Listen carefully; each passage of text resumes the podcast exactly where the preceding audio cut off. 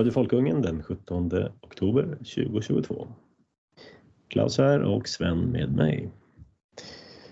Sven, vi har fått en ny regering har jag hört och en ny statsminister som heter Christer Ulfsson eller någonting i den stilen. Mm. Vad tycker du om det? Ja, det är ju det är bra i relativ bemärkelse, det vill säga det är en kraftig förbättring. Sen vill jag nog inte gå så långt som att i absoluta termer kalla det för bra att Ulf Kristersson är statsminister. Jag tycker genuint illa om honom. Mm. Eh, vi, vi, pratade lite grann innan här om vi skulle eh, prata om eh, hjältar. Eh, jag ska inte fördjupa mig i det, varför jag ville prata om det, men eh, bara rent allmänt så lider vi brist på hjältar. Det var ju någonting som var liksom genomgående. Om man går tillbaka lite grann i tiden. Det var ju människor man kunde se upp till och som man kunde, som inspirerade och ingöt mod och eh, offervilja och sådär. Han är inte direkt en hjälte som inspirerar om man säger så. Nej, jag har lite svårt att se honom gå i första ledet i, i striden och säga följ mig. Uh, jag tror han hellre, hellre leder ifrån uh, skyttevärnets uh, trygga vrå. Från staben helt enkelt. Precis. Mm. Man, man, man, kan ju, man ska ju då säga, alltså lägga till att han är ju inte ensam om det. Så att, Nej, det är inget personligt mot honom från min sida. Jag, jag, jag känner inte mannen, men ja, ingen utstrålning direkt då. Nej. Nej, jag stötte på honom första gången jag stötte på i så mått att jag tog del av hans existens på något sätt. Det är ju det är väldigt länge sedan och det var när han var, jag tror att han var socialborgarråd i, i Stockholm, i Stockholms stad. Jag är lite osäker men han hade ju någon, något eh, högre förtroendeuppdrag där och uh, fiffla åt sig via någon stiftelse, om det var Ersta någonting. Diakoni? Ja, kan ha varit något sånt. Det är jag också osäker på, men det spelar ingen roll. Han fifflade till sig en uh, mycket trevligt uh, hyreskontrakt på en lägenhet i, på Norr Mälarstrand. Uh, och, och den här stiftelse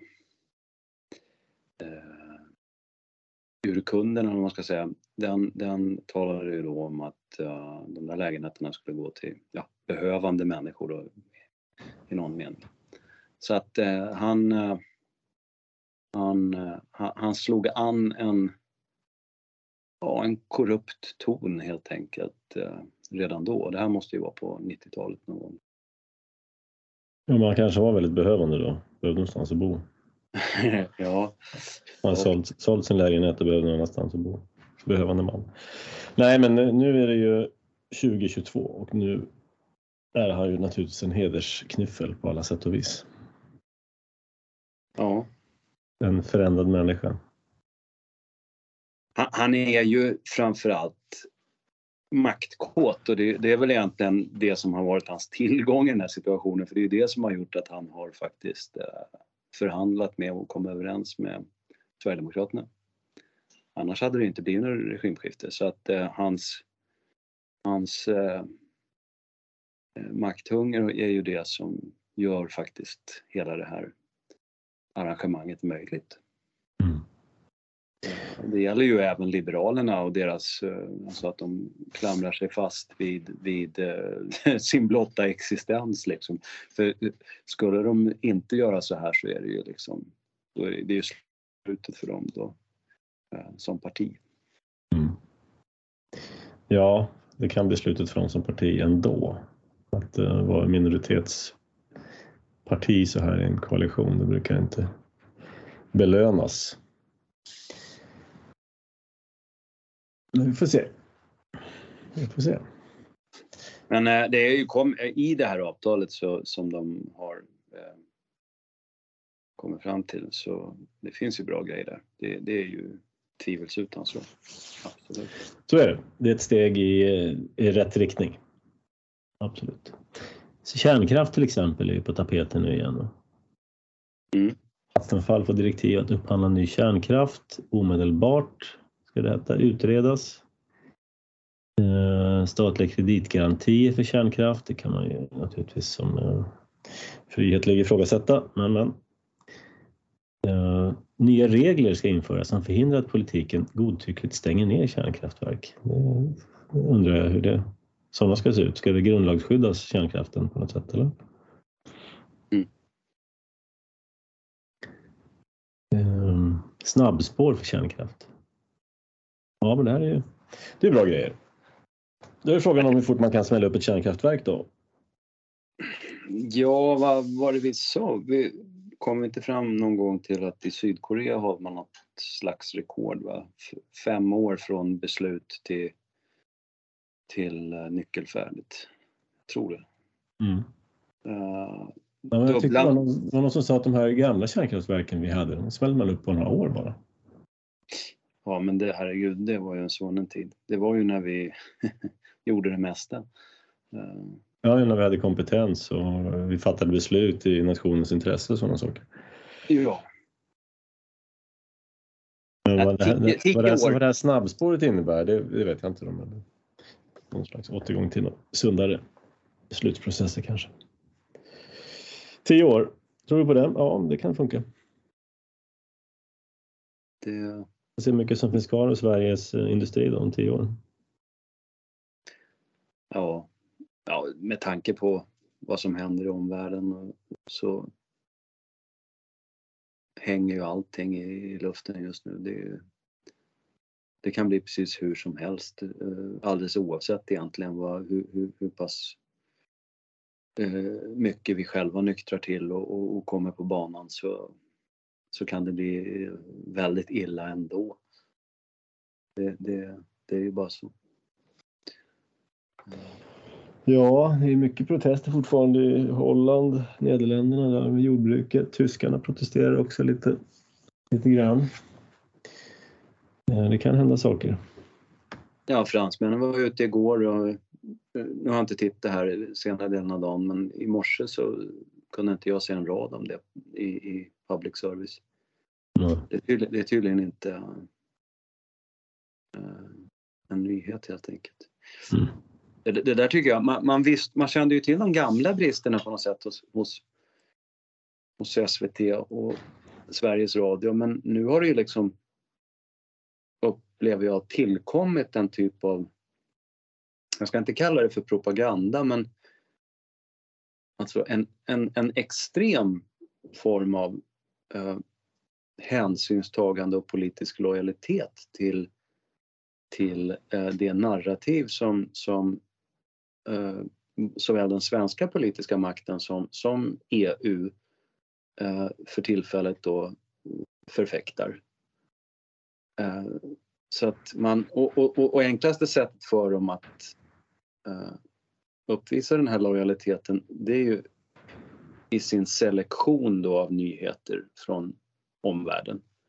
Det säga man, man ljuger inte rakt ut eller, eller eh, är liksom utstuderat eh, bedräglig i sina formuleringar utan man ger helt enkelt fan i att rapportera sånt som inte passar in i, i, i narrativet. Mm. Ja, det är oerhört faktiskt. Att man inte skriver en rad om det här som pågår i, i Nederländerna till exempel. Det har pågått nu ett bra tag. Tyskland, Frankrike och så vidare. ja. Det är helt sjukt. Den lojaliteten. Man biter ju inte den hand som föder den. Det är fint det här med eh, de här bidragen. Mycket. Pressstödet. Ja, vi kommer ju nämna det mer här under samtalets Mm. gång förmodligen. Men om man då ska se det här positivt så jag, jag tycker att de, de, de två de två, det är egentligen bara två områden där jag har några verkliga förväntningar på den här regeringen. Och det är, det är invandringspolitik och energipolitik. Mm. Eh, Allting annat tycker jag är uh, blaha. Eh, jag tror inte att man kommer till exempel sänka några skatter i någon relevant omfattning eller eh, jag menar Kristersson var ju, han var ju en, en, en Reinfeldt-man. Eh, och Fredrik Reinfeldt hade ju satt ju två mandatperioder varav en med, med, med majoritet då i, i, i sin konstellation. Och eh, det blev ju inga, ingen egentlig riktig förändring av, av skattesystemet och skatterna. Man gjorde lite omdispositioner liksom och, och, och många villaägare i, i storstadsområdena glad, gladdes över att eh, fastighetsskatten då försvann som den, i den form den hade funnits tidigare men, men resten då, inte ett jäkla skit vill jag säga. Men kan vi inte åtminstone hoppas på plastpåseskatten, att den försvinner? Snälla, snälla, hoppas med mig på att den försvinner. Det känns som en viktig fråga. Nej, men allvarligt talat. Eh, skatt är ju naturligtvis en, en viktig fråga, men eh, eh, jag ser inte det som den viktigaste. Jag skulle vilja att man minskar skatten för att staten skulle få mindre att röra sig med, hitta på djävulskap med. Ja. Eh, men invandringen ser jag som en betydligt högre prioriterad fråga. Jo men så är det absolut. Man kan alltid fixa ekonomin men eh, demografin är betydligt svårare att fixa. Jag tillbringade några dagar i Stockholm här i veckan. Och eh, man säger så här, det var skönt att komma hem till Sverige igen och åka därifrån. Ja, jag, jag vågar inte säga var jag sitter nu. Ja, ja du vet ju. Ja.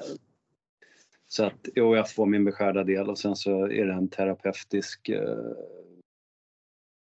sak att, att eh, på fredagen åka hem till, till, åka hem till Sverige. Mm. Så är det. Så är det. Men eh, en rolig sak med den här regeringen, det är ju ungefär som när Trump blev president, det är ju vänstertårar. De, ja. äh, vänstern är helt bananas nu. De tror ju att äh, de hör stöveltramp redan. Liksom. Ja. Nej, men de tror ju på allvar att vi plockar fram kopplen och, och, och, och fettar in med minkolja och så här va. Och liksom nu ska det bli... Eh, man polerar kängorna och... och ja, det är så sjukt. Man, man lever liksom kvar i en pojkrums eh, eh, drömbubbla som, som, eh, där man, man liksom vill att det, det är nästan som något masochistiskt, man vill att det ska vara så. Man, ja, ja. Så ungefär som man skulle se någon, ungefär som någon jag vet inte, litterär eh, romantisk tankefigur i det här. Va? Nu gör vi det stora ställningstagandet mot eh, fascismen eller vad, vad man nu för dagen vill kalla det för. Det är så, det är så bisarrt. De enda, de enda som har koppel och läder nu det är just vänstern. Men um, nu beskyller de högern här. Henrik Arnstad, eh, regeringen, förra regeringens chefshistoriker, han sa så här. Tre högerextrema partier i regeringen och ett fascistparti som håller i trådarna i kulissen. Det blir säkert jättebra. oh, hur kan de undvika då att förhålla sig till länder som ja, Sydkorea nämnde vi, eh, Japan. Eh, jag är okunnig om Sydamerika men jag förutsätter att det finns några riktigt konservativa länder där. Eh, ja, Bolsonaro förstås i, i, i Brasilien. Då. Menar, om, om, om nu demokratin har upphört då, enligt Arnstads tankefigur i, i Sverige och fascismen har tagit över. Menar, vad är Japan då liksom? Mm. Vi, vi, är ju någon slags uh, lättfils uh, konservativt uh, exempel medan de då är, är, är oerhört värdekonservativa. Så att... Uh... Ja, vi får se hur det blir här nu. Men äh, än så länge så Eh, en god skörd från vänstern med uppmuntrande skriverier och uttalanden. DN uppmärksammade ju här, eh, jag ska få fram det här bara så att jag citerar rätt. det är en betalartikel då och jag kan ju avslöja att jag prenumererar inte på Dagens Nyheter så jag kan inte läsa hela artikeln. Eh, men den publicerades igår och då står det så här. Efter valet oro på myndigheter som hotas av nedläggning. Uh, och så i ingressen lyder så här då. Flera av högerpartierna har tidigare uttryckt att de vill skrota eller skära ned på en rad svenska myndigheter. Så finns det en bild som illustrerar det här och så står det oro bland flera anställda enligt Lena Ag, generaldirektör vid Jämställdhetsmyndigheten. Uh, den kan vi lägga ner. Var inte den man la ner förut? Det var där det var sådana, sådana trakasserier. Det var 100% kvinnliga anställda och de klöste varandra och trakasserade. Jag trodde den försvann redan. Arbetsmiljön var sämre än på vilken ICA-butik som helst. Ja. Nej, då, den, nej, men den finns kvar. Det var, man la väl ner, eh, vi hade ju en eh, djurskyddsmyndighet va, som man eh, eh, la ner. Har jag för mig efter, nej jag kommer fanken inte ihåg hur det var. Men det, men det finns ju här att, att tänka på. Det, jag skrev ju faktiskt en text om det där att det, det, här är ju liksom, det är bland det viktigaste de har att göra i, rent strategiskt. Det är ju att skära bort alla de här åsiktsmyndigheterna. Ja. Uh, och, och, och, ställa de här politiska kommissarierna och officerarna på, på, på till arbetsmarknadens förfogande. Ja, precis. Och så kan de hålla på och privat eh, ägna sig åt politik istället för att göra det som myndighetspersoner. Mm. Tyvärr vill man ju inte ge sig på public service då. Det, det är ju, det vore ju liksom, det vore ju viktigast av allt. Eller det, förlåt, det är viktigast av allt i de här strategiska Ja, det är, där, det är där man formar eh, väljarna inför nästa val. Det är, ja. det är konstigt att de inte inser det, jag förstår inte det. Men den positiva vinkeln det är ju det är ju att eh, nu kommer jag inte ihåg om vi tog upp det eller om det var i något annat sammanhang vi pratade om det. Men det var en, en bekant till mig som sa en, en, en, sån, en sån enkel observation. Och det var angående det här att eh, jag tror 60 procent av ungdomen röstade på röstade till höger. Ja, gymnasievalet ja. Jo, men det tog vi upp för några gånger sedan. Ja, det här att de tittar inte på TV då. Och, och eh, där, det är faktiskt en sån mätbar, eller vad ska man säga, det är en observation som kan då förklaras eh, genom ett antagande om, om, om den så att säga indoktrinerande eh, förmågan som public service har. Mm. Ja, precis. Påminner mig om eh, det var ju en, en, en kapitel i ett kapitel i Gulagarkipelagen eh, som vi publicerade på Mises. Och eh, det handlar ju om de socialt närstående, det vill säga de kriminella som är närstående till staten för att terrorisera vanligt folk. I alla fall, det stod det där om hur man hade tagit folks hästar och man lovar dem en traktor istället. Och man registrerade djuren och sen tog man dem då. Och eh, så tog man också hundarna. Och så sa man till folk, men ni kan ju skaffa en gris istället. Mm. Och sen så var ju då kommentaren då att ja, för eh, man, man tog då djuren för att um, de var människans bästa vän och de kunde inte indoktrineras för de tittade inte på TV, eller de lyssnade inte på radio och såg inte på, läste inte tidningen. Därför tog man de här. Och eh, det är lite grann som ungdomarna då tänkte jag att eh, de ser inte på TV. Då får man ta dem på annat sätt. Det är väl uh, Solzhenitsyn då som... Ja, precis. Ja. Han är ju en sån här... För mitt eget vidkommande då så jag har inte läst en enda av hans böcker men jag har många gånger suttit på, på, på Google och eh, tagit fram citat av honom som är liksom helt fantastiska. Jag har inte minne och liksom recitera något här och nu men, men eh, där, där finns det, det är ett tips till, till den som vill, den som vill få ut någonting av Solzhenitsyn utan att plöja genom böckerna så, så finns det en, en citatskatt på nätet. Ja, den är helt fantastisk. Den här Gulag-arkipelagen. Jag har berättat förut, jag vet inte om jag gjorde den här kanalen. Men, uh, jag, jag, läste den där för några år sedan och sen kom jag av en slump att tänka på ett kapitel som var så, så slående likt vår samtid. Och det var just det kapitlet som heter De socialt närstående. Eh, så då publicerade vi det på Mises då. Men där, där beskrivs det ett, samhälle där staten använder sig av de kriminella, släpper ut dem för att terrorisera vanligt folk. Eh, man säger åt folk att inte, ja, kriminaliteten skjuter i höjden. Man säger åt folk att inte bära dyra klockor och kontanter så man kan bli rånad.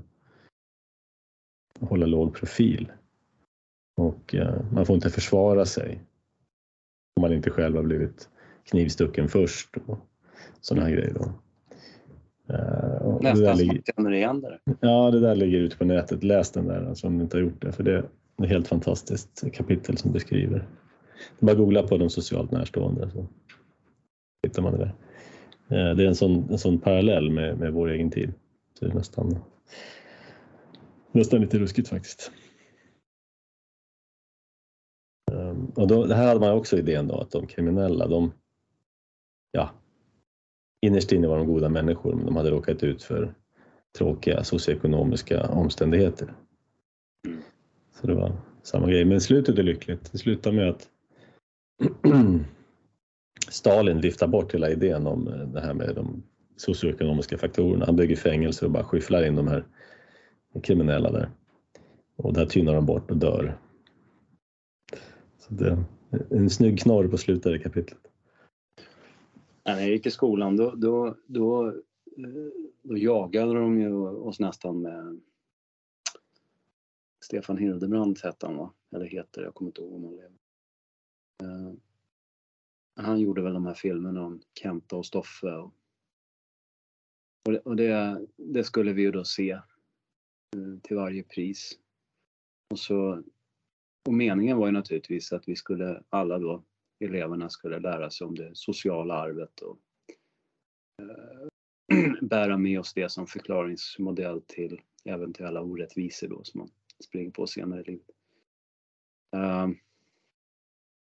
och aldrig någonsin så exponerades man för någon typ av konservatism och, eller en tankefigur som, som säger att uh, ja men ondska det, är det är reellt, det är något som existerar. Mm.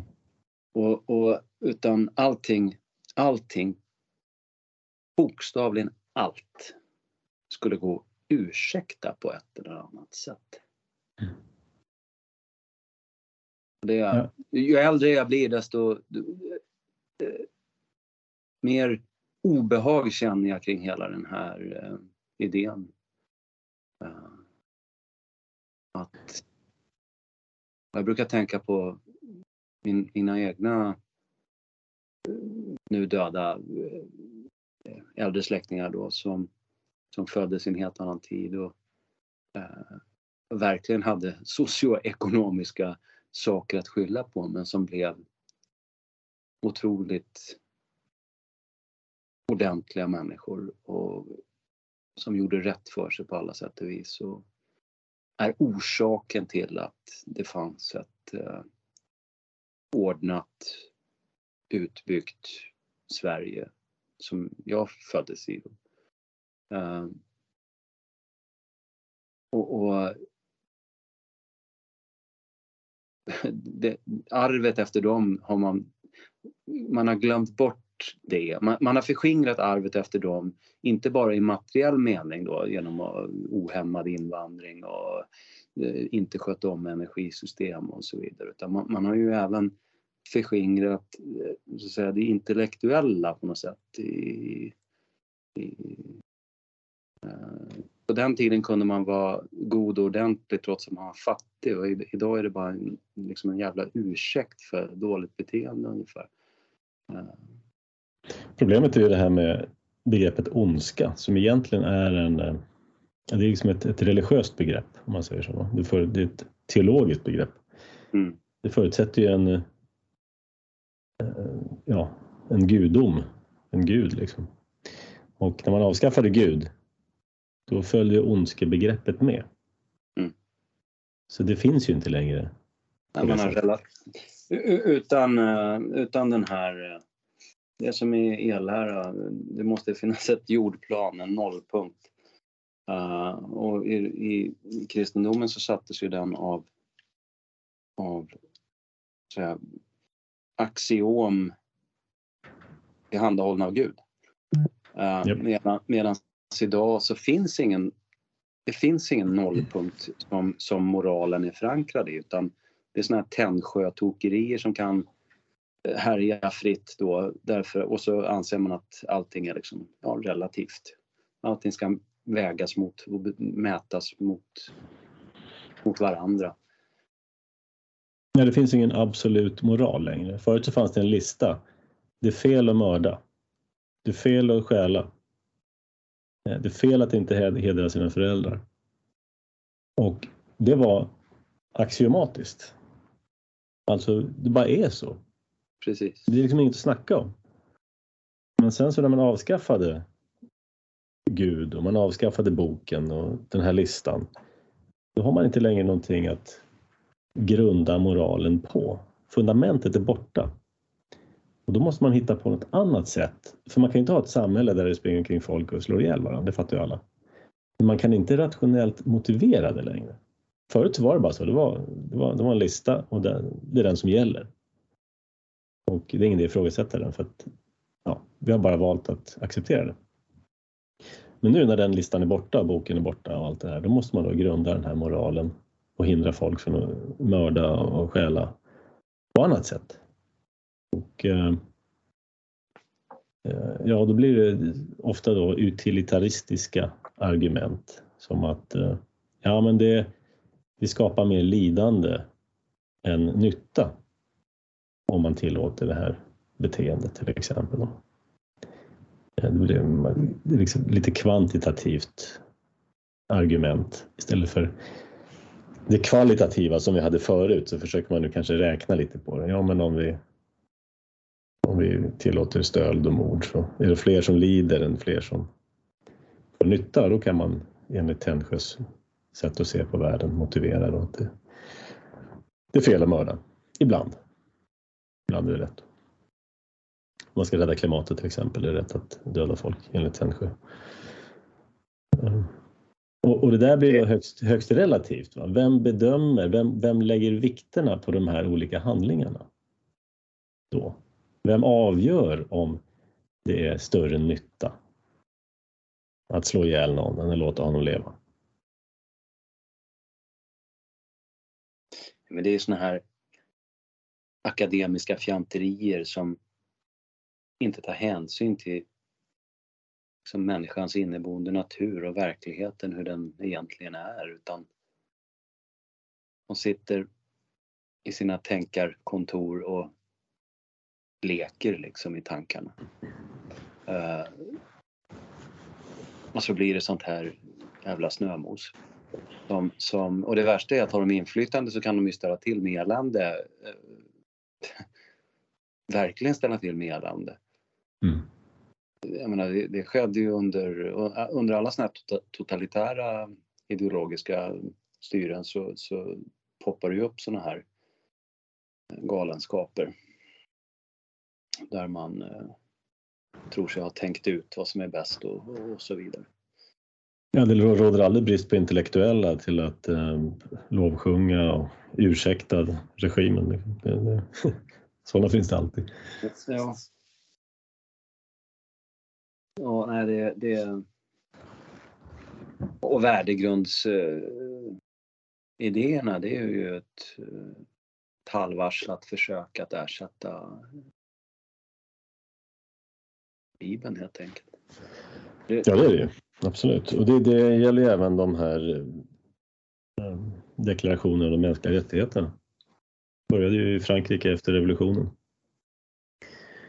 Och sen, eh, ja, man kastade Bibeln och de tio budorden och ersatte den med de här rättigheterna som alla ska ha nu plötsligt. Då. Och eh, det dröjde inte många år för man rullade ut giljotinerna. nej. Det brukar ju vara så med sådana här Ja, ja, ja. listor. Liksom, då, att, ja. Jag måste, jag måste vänja mig, eller jag måste börja komma ihåg det där. För jag brukar, jag brukar ju ta kommunismen och nationalsocialismen som exempel på eh, i, faktiskt i sammanhang där sådana här otroligt tjatiga och jobbiga, eh, vad är det man brukar kalla dem nu då, som alltid ska, ska eh, vara motpoler mot islam. An, nej, kontrajihadister. Mhm. Eh, och och eh, inte sällan så vill de då tala om hur, hur många människor som islam har haft ihjäl och så vidare. Och det, det är en fullständigt meningslös eh, sport att ägna sig åt för att eh, de sekulära europeiska politiska ideologierna har ju tagit livet av oändligt många fler människor än vad islam har gjort. Eh, med det så försöker jag inte på något sätt vis leda i bevis att, att islam skulle vara något bra och fint och vackert och så vidare. Eh, man måste ju kunna hålla liksom två tankar i huvudet parallellt. Och, eh, men det, det, det, jag ska, det jag ska komma ihåg att göra det är ju att, att ta med liberalismen också. Eller dess frö i alla fall då i form av Mm. franska revolutionen. Att, jag menar redan där, va? Eh, Sådär, eh, ja inte riktigt, ja, nu har inte jag årtalen i huvudet, men säg, vi säger för diskussionens skull hundra år före det att äh, äh, kommunismen och nazismen äh, ställde till med sina folkmord så, så, så högg man huvudet av, av människor i Frankrike då i någon slags för liberalt eh, stadium. Jo, men eh, liberalismen är ju roten till socialismen. Det. Började ju där. Ehm, ja, nej, men jag tycker alltid det är en intressant observation att listan med mänskliga rättigheter och sen så några år senare giljotinerna. Då. Det är historien i, i, i snabbspolning. va. Och- sen har du ju då de som, det som kom efter det här, det är FNs deklaration om mänskliga rättigheter och rättigheter hit och dit och barnens rättigheter och klimatets rättigheter och allas rätt till att få spela blockflöjt i kommunal musikskola och um, ja, och Agenda 2030 som jag satt och läste här nyss innan också. Rättigheter, rättigheter. Och sen så slutar med att vi kommer frysa i vinter och många kommer svälta. Det är som vanligt. Utoper ska bygga, utopister ska bygga sina utopier. Mm. Ska vi hoppa över till den gode, den stollige jämtlänningen? Ja, men det tycker jag. Och då är det så här att i Jämtland så finns det eh, minst två dagstidningar. Den ena är Östersundsposten. Den andra är Jämtlands Tidning. Och då fångade jag upp en ledartext där av chefredaktören för eh, chefredaktören på Jämtlands Tidning.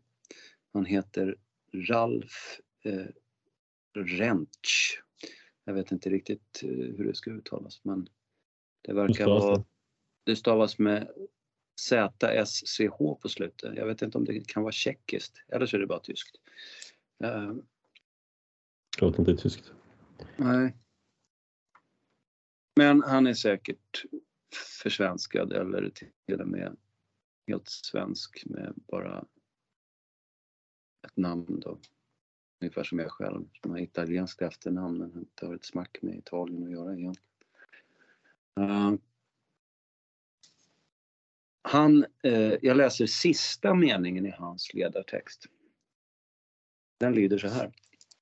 När ska Myndigheten för psykologiskt försvar vakna och inse att någon systematiskt arbetat för att sätta stopp för svensk energiförsörjning? Och det här, Han pra- Jag gissar att han inte pratar om eh, Per Bolund där, eller? nej precis. Eh, det- här, den där frågan, den, den öppnar ju liksom för, man kan ju tänka sig massa olika svar där. Man skulle kunna tänka sig att den yttras av en person som står svenskt näringsliv nära och diskuterar uh, varför man har lagt ner kärnkraft i Sverige i den omfattning man har gjort. Eh, och, och, och, och, tycker sig se att det finns någon typ av konspiration bakom det. Eh, men så är det alltså inte alls här utan vad den här stackars karln har skrivit om här det är sin eh, irritation och ilska över att det är så pass många vindkraftsprojekt som stoppas. Så att han menar då att det måste finnas någon typ av att det måste finnas någon typ av ja, konspiration uh, i sammanhanget och han, han undrar alltså när Myndigheten för psykologiskt försvar ska vakna. Och, och, och då, då får man ju alltså det måste då betyda att han förväntar sig att de också ska göra någonting sen. Mm. Och uh, om man då backar i texten så, så nämner han då desinformationskampanjer. Uh, och eh, han tycker att en av de mest påtagliga som pågår i landet är kampanjerna mot vindkraft. Eh, och han, han, tycker då att det är en gåta att inte den här myndigheten har granskat. Eh, och han menar att det pågår sedan flera år tillbaka. Och så ställer han den retoriska frågan, i vems intresse är det att Sverige inte har tillräckligt med energi? Då, då, då, associerar åtminstone jag då till Ryssland. Va? Eh, eh, för vem skulle han annars mena? Han säger ju Sverige, så då måste han ju mena främmande makt. Va? I vems intresse är det att Sverige inte har tillräckligt med energi? Och vilken främmande makt skulle han då kunna tänka sig? Och det, det, kan ju liksom bara bli Ryssland.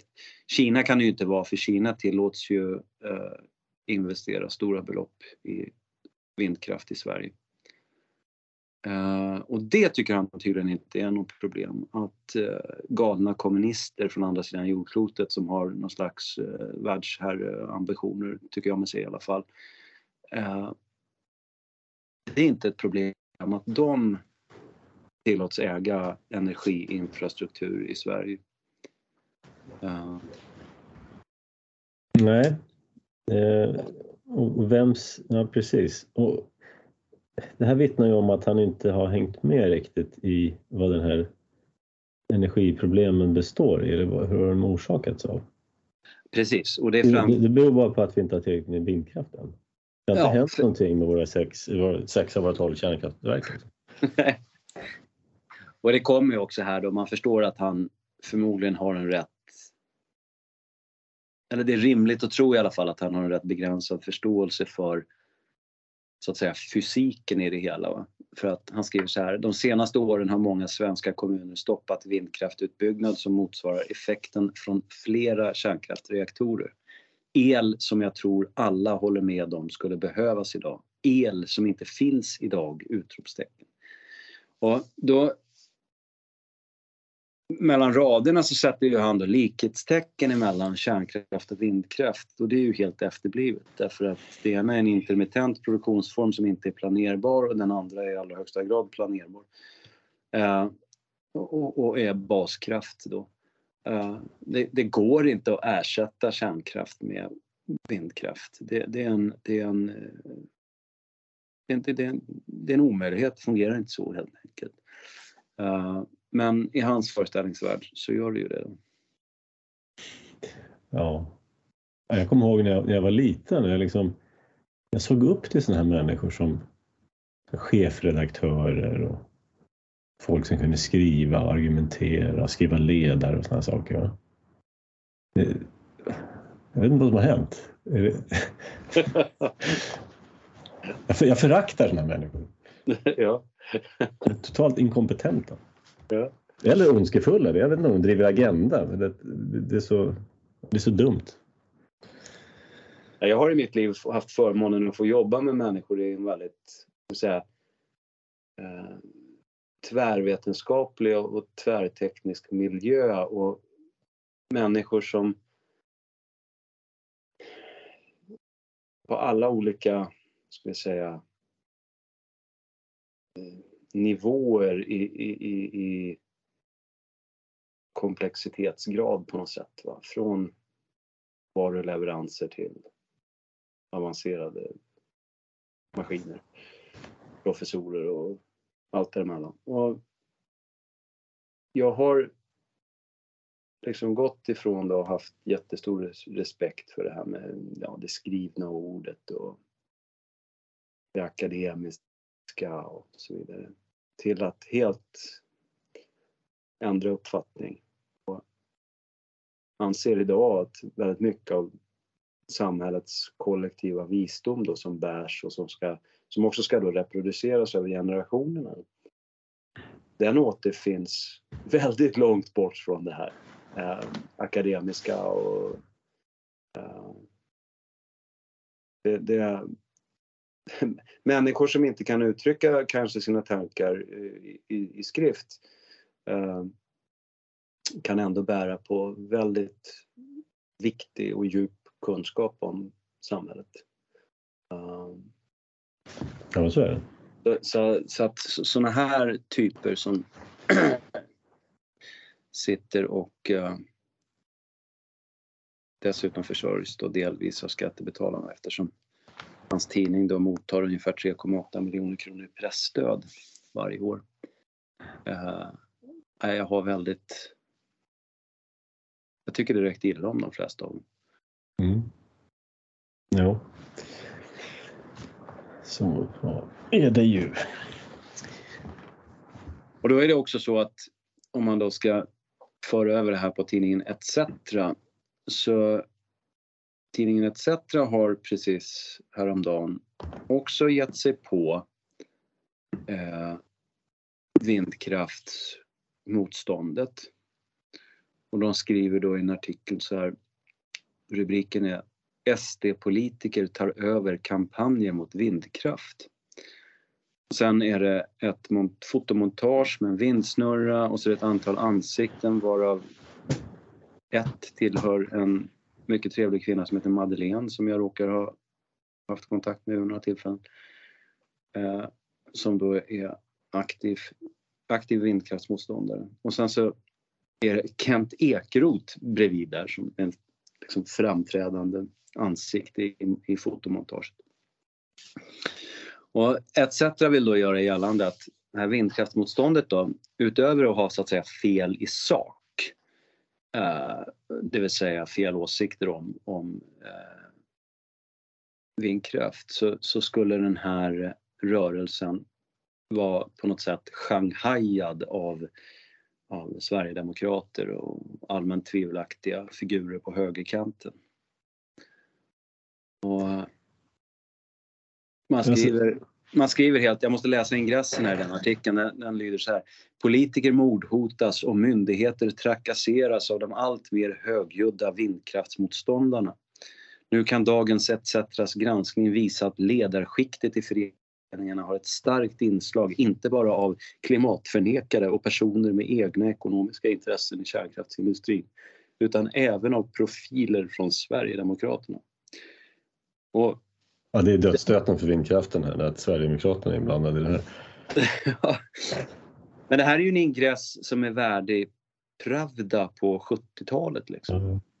Mm. Uh, de allt mer högljudda vindkraftsmotståndarna. Det är ju liksom ett typ av pejorativt... Alltså så skriver man helt enkelt inte. va? Eh, så skriver man bara om man utgår från en position där det är bortom all bortom alla tvivel bevisat att vindkraft är jättebra och det ska rädda världen. Det är bara då man kan skriva de allt mer högljudda vindkraftsmotståndarna det är väl centralt i, i, i liksom den demokrati de här människorna påstår sig vilja ha. Så centralt att man faktiskt kan ge uttryck för en avvikande uppfattning och även göra det på ett, på ett ja, högljutt sätt. Uh, Ja, alltså framförallt så tenderar ju vindkraftmotståndare vara de som bor i närheten där det ska etableras. Det finns ju inget organiserat, vad jag vet i alla fall, generellt vindkraftsmotstånd i Sverige. Ja, det har ju faktiskt vuxit fram. Var det? Ja, Eh, och det har gått väldigt fort. Det, det man kan säga det var som en catch-up-effekt där för att jag, jag följde på sociala medier då som, eftersom jag är en sån där vindkraftmotståndare. Jag har, jag har gjort ett aktivt val att inte engagera mig i det därför att jag har liksom förstått att motståndet skulle utnyttja mina politiska åsikter i övrigt och, bara, och använda dem för att smutskasta människor som jag i så fall skulle liksom vara engagerad tillsammans med.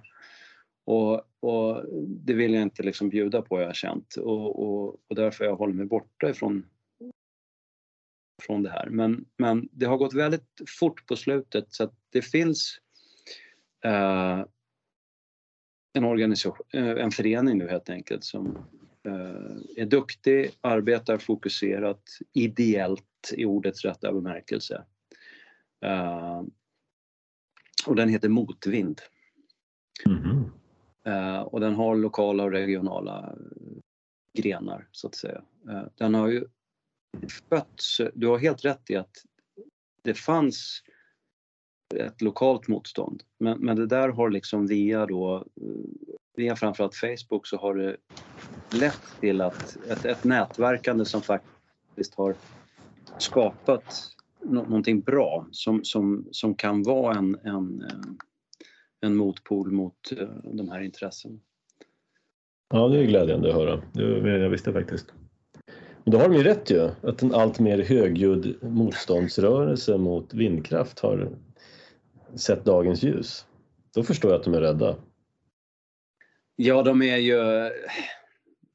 Frågan är om de är rädda därför att de själva verkligen är övertygade om att vindkraften kommer att vara frälsningen eller om de är rädda att, att framtiden ska visa att de var stollar som, som förfäktade uppfattningen att nu ska vi ha vindkraft för hela slanten. Alltså, jag tror att de här människorna ofta är mer drivna av sin egen prestige och rädsla för att förlora ansiktet än vad de drivs av tron på, ja, på någon slags högre värden. Va? Uh, alltså jag vet inte, det är så många av de här som är så uppskrämda över koldioxiden så att de tror, många av de här tror nog verkligen att jorden är på väg att brinna upp av koldioxid overload.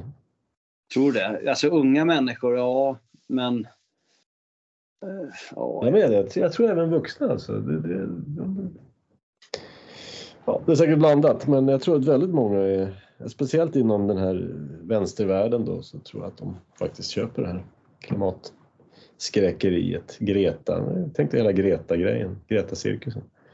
Köpte de. Det, det, är två stycken författare till, till den här eh, ETC-artikeln. Uh, Alexandra Pogorzelska. Så hon har väl polsk påbrå. Och sen Egil eh, Söderin och han tror jag har varit med väldigt länge på ETC. Om du får gissa var de här människorna bor, var, var tror du de bor? Ja, Södermalm måste man gissa först. Ja, det är ju den ena av dem bor där, det är ju Egil Söderin. Han bor, han bor uh, nära Söder Mälarstrand, mellan Hornsgatan och Söder Mälarstrand. Uh, så att han känner verkligen av vindkraften där kan jag tänka mig. Ja. Och hon bor i Skarpnäck då. Eh, och eh, Johan Ehrenberg då som är, är fader etc. Eh, han, han bor ju också på Södermalm. Så det är nästan som en parodi på, på, på alltihop. De lider på en skriande brist på vindkraft på Söder, såg jag sist jag var där. Ja. Finns, finns inte en snurra. Nej, precis. Det, det, jag vet inte om, om man kan förvänta sig någon förbättring där vid lag eller om det, det kommer förbli vindkraftfritt. Jag tror nästan att det kommer bli vindkraftfritt även i fortsättningen. Ja. ja. Mm. Det, det, är också så att äh, när då den här gode Ralf äh, på Jämtlands Tidning som som ser, eh, som, som ser det svenska vindkraftsmotståndet som någon slags uh, rysk uh, subversiv sak.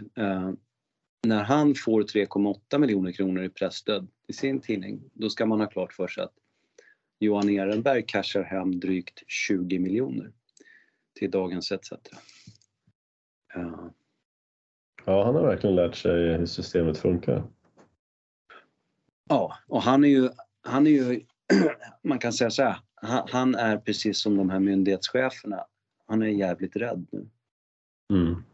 Uh, Mats Svegfors som ju var chefredaktör för Svenska Dagbladet en gång i tiden. Han har ju varit enmansutredare då inom uh, jag tror att han var enmansutredare. Han var utredare i alla fall. Den här mediestödsutredningen tror jag han heter. Uh, och han presenterade väl sitt, borde, borde ha varit slutbetänkande för inte så länge sedan.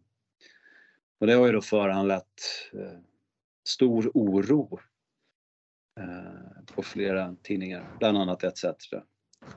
Eh, Ehrenberg skriver bara häromdagen då i en ledartext på ETC bland annat så här. Uh, och jag vet att man idag med Mats Svegfors förslag gör ett nytt försök att bli av med alla radikala, kritiska och rörelseskapande medier i Sverige. Är det etablissemangsmedia han pratar om då eller? Ja, det är framförallt sig själv han pratar om. Och fortsätter så här. Det kommer inte finnas några hål av, håll i det nu, frihet utanför de stora mediemonopolens skugga. Att diskutera fred, klimaträddning, jämlikhet, feminism, antirasism. Allt kommer ske bara på nåder av de som har mest att vinna på att det ignoreras. Jag kommer, jag kommer tänka på en mem. Som jag, jag hittade på den här. Jag, jag gjorde en variant på den precis nu i mitt huvud. Den lyder så här. De där stöveltrampen som du hör, finns de i rummet här hos dig nu? ja. Jo, men, och, och, och, och, vad hindrar de här människorna att göra precis som vi gör nu? Ja. Alltså, att, att, att, att på sin fritid eh, ideellt eh, ägna sig åt eh, om man så vill opinionsbildning eller, eller någon typ av eh, medborgarjournalistik eller vad, är det, vad är det som är det stora mervärdet här eh, med att de kan sitta i, i, i, fina vita kontorslokaler på en, en, en, en ståndsaktig ståndsmässig eh, plats i Stockholms innerstad och, och på heltid eh, skriva nid, eh, nidartiklar om, om, om sina politiska motståndare. Alltså det är ju absurt. Ja, men det, men det, är, det är av födkroken. Det är ju det som är problemet. Ja, ja visst. Och det är det här jävla drönarsamhället där det, det, det, ska finnas liksom ett gräddskum som flyter ovanpå som bara ska casha hem på andra människors arbete och, och, och, och liksom arbeta med vad som väsentligen är lek. Mm. Ja, ja. Fan, gör det på er fritid. Det är, liksom, det, är det som... Det är samma sak med Expo och såna här... Eh, alltså det, det, det, det är politiska officerare som, som, som lyder under någon som stjäl våra pengar för att finansiera eh, deras verksamhet. Det, det, det är det som är lite kul med hans, med hans formulering där. Det kommer inte finnas några rebeller som kritiserar. Alltså, när kritiserade han senast etablissemanget? Han förstärker ju och underbygger etablissemangets varenda... Eh, han är en del av värdegrunden som håller etablissemanget uppe. Liksom. Ja, det är precis som att vi inte har haft Socialdemokraterna sen, sen eh, ja, minst 1945 då, som, som den, den liksom helt dominerande kraften som har konsoliderat sin makt och lagt under sig liksom hela myndighets-Sverige och, fullständigt infiltrerat alla alla, alla vrår av offentlig sektor. Och liksom det, de här människorna de, de låtsas ju som att det aldrig har inträffat. Och, och sen tycker de då att de själva är någon slags... Eh, för ETC står naturligtvis Vänsterpartiet närmare än socialdemokratin. Eh, men så, så, så, tycker de att, att, att de själva är någon slags opposition då för att de är liksom lite till vänster om, om Maggan Andersson ungefär. Va? Mm. Det, det, det, det, är ju... Det är sjukt helt enkelt. Alltså, har, har de liksom ingen självinsikt, ingen, ingen, hur, hur kan man se sig själv i spegeln liksom på, på, på morgnarna när man har en verksamhet som fungerar på det där sättet? Mm. Ja, om man inte har skrupler så kan man ju det naturligtvis. Och det är väl få av de här som har. Ja. Jag fick inte med sista meningen. Han, han avslutade så här. Ja, det är en läskig framtid, en sådan som vi läst om i dystopiska romaner. Men vad han, han käkar för svamp så verkar det vara samma som Arnstad. Liksom. Det... Ja, ja, visst, visst. Svampmiddagar tillsammans. ja. ja, kul. Ja, men jag tycker att det är väldigt positivt det här. Eh, vi får se vad den här regeringen presterar om de lyckas avskaffa plastpåseskatten och sådär. Men eh, om inte annat så är det väldigt roligt just nu när vänstern går bananas här och är livrädda. Naturligtvis helt i onödan. Det kommer inte hända någonting som, man själv var rädda för. Men kanske något litet, hoppas. Ja. Mm. Gott så. Ska vi eh, göra kväll helt enkelt? Det kan vi göra. Vi har lite fler idéer som vi skulle pratat om men uh, det blir fler tillfällen.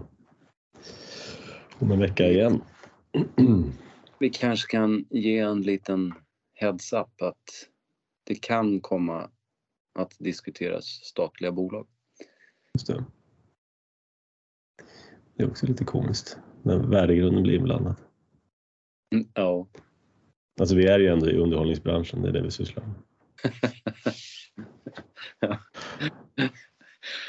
ja, det, det, det, är faktiskt eh, det är nästan bra att vi har dröjt lite grann med, med det där ämnet därför att man, nu kan man ju belysa det på ett nytt sätt då eftersom vi, har, vi, vi kommer få ett regeringsskifte nu. Mm. Det gör ju att uh, de här mer politiska utsagorna i sammanhanget statliga bolag.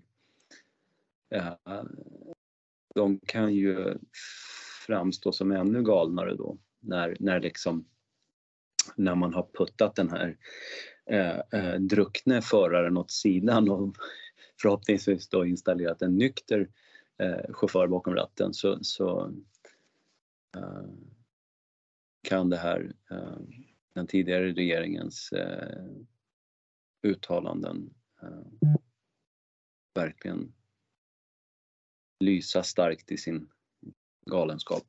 Mm, precis. Nej, men bara, bara att få slippa se Morgan Johansson i tv säga saker och vad heter hon, hårfrisörskan, vad heter hon? Strandhäll. Ja, just det, precis.